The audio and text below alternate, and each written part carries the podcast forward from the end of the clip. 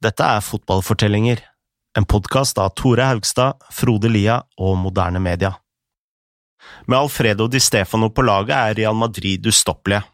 Fra og med 1953 vinner de fire ligatitler på fem år. Men det er ikke La Liga som skal gi Real Madrid den mytiske statusen de har i dag. Grunnlaget for klubbens enorme prestisje legges i en ny turnering som heter Champions League. I denne episoden skal vi snakke om Real Madrids originale Galacticos.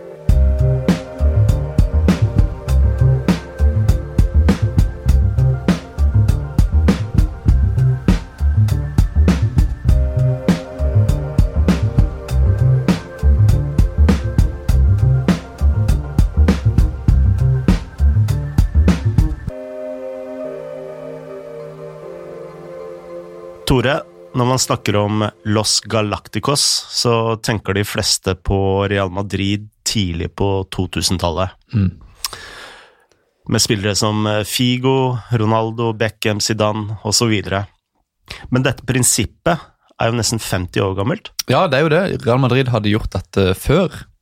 Og Skal vi spole tilbake litt, så husker vi jo at Cubala førte Barcelona til to strake ligatitler på starten av 50-tallet. Og at Real Madrid deretter stjal i gåseøyne Di Stefano foran nesa på Barca i 1953. Så altså, Santiago Bernabeu hadde én stjerne i Di Stefano, men uh, altså, fotballen er jo et lagspill, er ikke det? Jo, og Santiago Bernabeu hadde jo bygget en stadion med plass til 100 000 tilskuere. Og skal du fylle alle de setene, så holder det ikke bare med én stjerne. Nei, nei, er du gal? Er du gal? Uh, og derfor uh, det, prøvde liksom Santiago Bernabeu å innføre en ny overgangsstrategi her. Mm. Planen hans var å hente én skikkelig stjerne hvert år. Ok. Hvem hentet han da utenom Di Stefano? Nei, Noen, jo, eh, noen ble henta utenfra, andre ble henta fra uh, akademiet. Og litt i rollen som Raúl, da, hvis vi drar en parallell til moderne, moderne Galacticos, ja, så henta Real Madrid opp en ung ving fra akademiet som het Paco Gento. Uh, Paco skulle bli veldig kjent, og han var så rask da at han regelmessig styrta inn i reklameskiltene. Okay.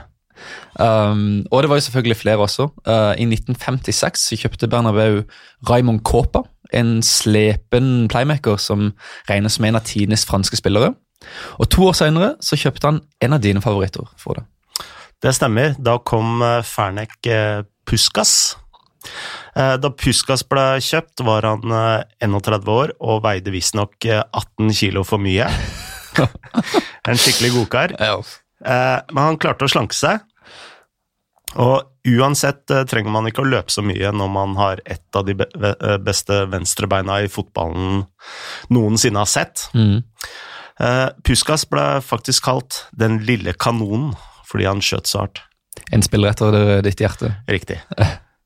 Uh, det kom flere. I 1959 kom Didi, en uh, klassisk rakrygga brasiliansk midtbanespiller som hadde vært en av de beste spillerne i VM året før. Og Dette er jo en ny parallell med Perez. altså Noen spiller bra i et VM mm. Real Madrid henter. Og Resultatet da av alle disse kjøpene var et skikkelig drømmelag.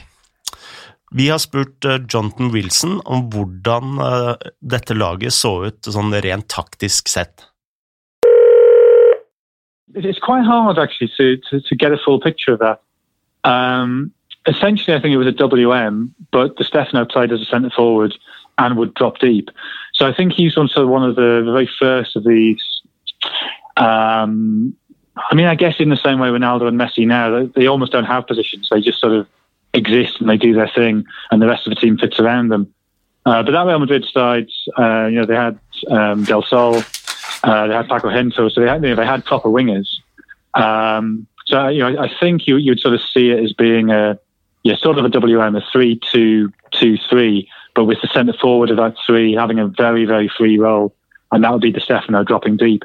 And then you know when Pushkas arrives um, after the after the Hungarian uprising, um, you know, he, he becomes one of those inside forwards alongside Di Stefano. And so they would almost be like pistons. One would go forward, one would drop back. The other would go forward, the other would drop back.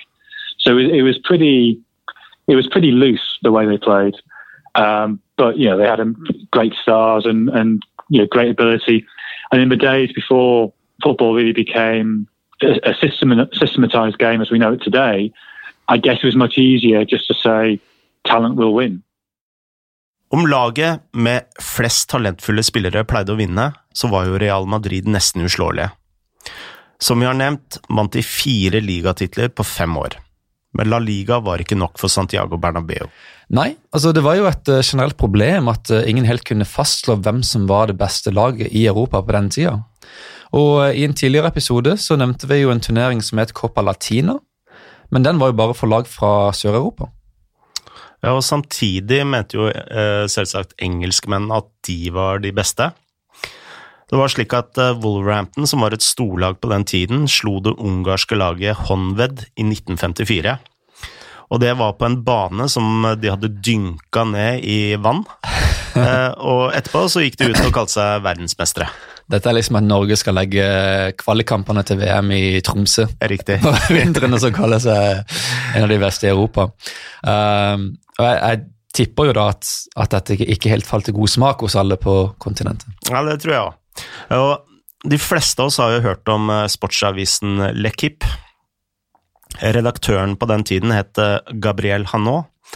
Og kun tre dager etter at Wolves hadde kalt seg verdensmestere, publiserte Lekip et forslag om en turnering mellom alle serievinnerne i Europa. Ja, Her er det viktig å nevne at Santiago Bernabeu faktisk var en av de viktigste figurene for at denne turneringa faktisk så dagens lys. Uh, han jobba med Hanot og var veldig entusiastisk om denne ideen. Og det kan vi jo forstå på mange måter. Altså, Hvorfor ville, hvorfor ville Bernabeu ha den turneringa? Han hadde et vanvittig bra lag. Han var dominant i Spania. Og med, med denne nye turneringa kunne han jo vise dette for hele resten av Europa. Og selvsagt, denne turnering heter i dag Champions League. Men på den tiden var navnet på godt norsk Serievinnercupen, og for å komplisere det enda mer, på engelsk så het han The European Cup. Ja. Eh, formatet var rene utslagsrunder, men kampene ble som nå spilt i midtuken. Ja, veldig kjent format. Og uh, selvfølgelig var det ikke en kvalik for den aller første turneringa, så de bare inviterte uh, ja, noen av de mest presisjetunge lagene. Jeg, jeg, tror jeg leste et sted at det var flere små lag som faktisk fikk invitasjon fordi de hadde flomlys på banene. Ah. Fordi de måtte spille sent i midtuka. sant? Um, og altså, Hvem vant den første utgaven? Vet du det? Det tipper jeg er Real Madrid. Riktig. Hvem vant den andre utgaven? Det tipper jeg også er Real Madrid. Ja. Slik fortsatte det de neste fem årene. Altså Real Madrid, greit, de var best i Spania så fort de fikk til Stefano. Mm. Men altså, de, de, bygde jo bare mer og mer og mer, og de ble bedre og bedre og bedre og fikk flere og flere stjerner. Og til, til den grad at de nesten var ustoppelige. Så altså, de fem første versjonene av Champions League gikk til Real Madrid. Mm. Det er vel det man kan uh, nesten kalle et dynasti? Ja, altså det er jo uh, total dominans. Og det er jo disse titlene som skaper grunnlaget for den prestisjen som Real Madrid har i dag. Mm. Altså, Går du på kamp på Santiago Bernabeu nå, så spiller de videoer fra Champions League hele tida. Presidenten Florentino Perez snakker hele tida om at Champions League liksom er Real Madrids turnering. At det fins en kjærlighetshistorie mellom Champions League og klubben. Jeg har hørt noen av spillerne si det samme. Ja. ja. Altså, Cristiano Ronaldo før Jeg tror det var før de slo Juventus i forfjor, eller noe, så var det liksom Ja, det kan virke umulig å hente inn denne, denne ledelsen, men Champions League er vår turnering. sant? Og da, da begynner du å tro på det. Mm. Uh, og Besøker du treningsfeltet til Real Madrid, så finner du faktisk 13 statuer som uh, er av uh, Altså en for hver finale de har vunnet da i turneringa. Med året de vant, og byen finalen ble spilt i. Men det er vel én finale som huskes spesielt godt av de som fulgte Real Madrid på den tiden? Ja, den femte finalen Real Madrid vant, spilte de mot Frankfurt på Hamden Park i Glasgow i 1960. 127 000 tilskuere klemte seg inn på den stadion for å se kampen. Jeg mener jeg har lest at uh, Alex Ferguson var en av dem som så den kampen. Stemmer det? Ja, Ferguson uh, vokste jo opp i Glasgow ved havneområdet og var en av de som så på. Og Han så Di Stefano skåre fire mål og Puskas tre. Real Madrid slo Frankfurt 7-3 og fotballen de spilte på den dagen, er noe av det mest storslåtte Europa har sett. And I think that's sort of part of the whole sort of ethos of the club that they have this code of, of seniorial, of, of, gentlemanliness, and they would see part of that as being you know, we always attack, we do things the right way. Now, obviously, their opponents would, would sort of raise an eyebrow at that. But I think fundamentally their football was very good to watch. And you know, you, you talk to people uh, who were there at Hampden Park in 1960 when they beat Eintracht Frankfurt 7-3. You know, lots of lots of Scottish fans went just to watch this great Real Madrid they heard so much about, and yeah, they came away sort of you know their, their, their minds blown by having seen this extraordinary football. And Alex Ferguson still talks about that as being one of the real formative moments of his his footballing thought. That you know, going to Hampden Park and seeing this extraordinary team playing this extraordinary football. Nå har vi jo pratet veldig mye om eh, hvor god Di Stefano var, og hvor fantastisk fotball Real Madrid spilte. Det er nesten som man skulle tro at eh, de vant eh, hvert eneste trofé de kjempet om. Og slik var det jo i Europa, Mm. men hva med La Liga? Nei, altså Det er liksom en, en viss logikk der i at Real Madrid selvfølgelig er best i Spania, siden de også er best i Europa. Men uh, i noen av årene så kvalifiserte de seg faktisk til Champions League kun fordi de hadde vunnet turneringa sesongen før. Ok, uh, så de vant ikke alle La Liga-titlene med dette laget? Nei, eh, det var et par år faktisk at de ikke vant, selv om da de hadde Di Stefano, Puskas, Rento, alle disse toppspillerne.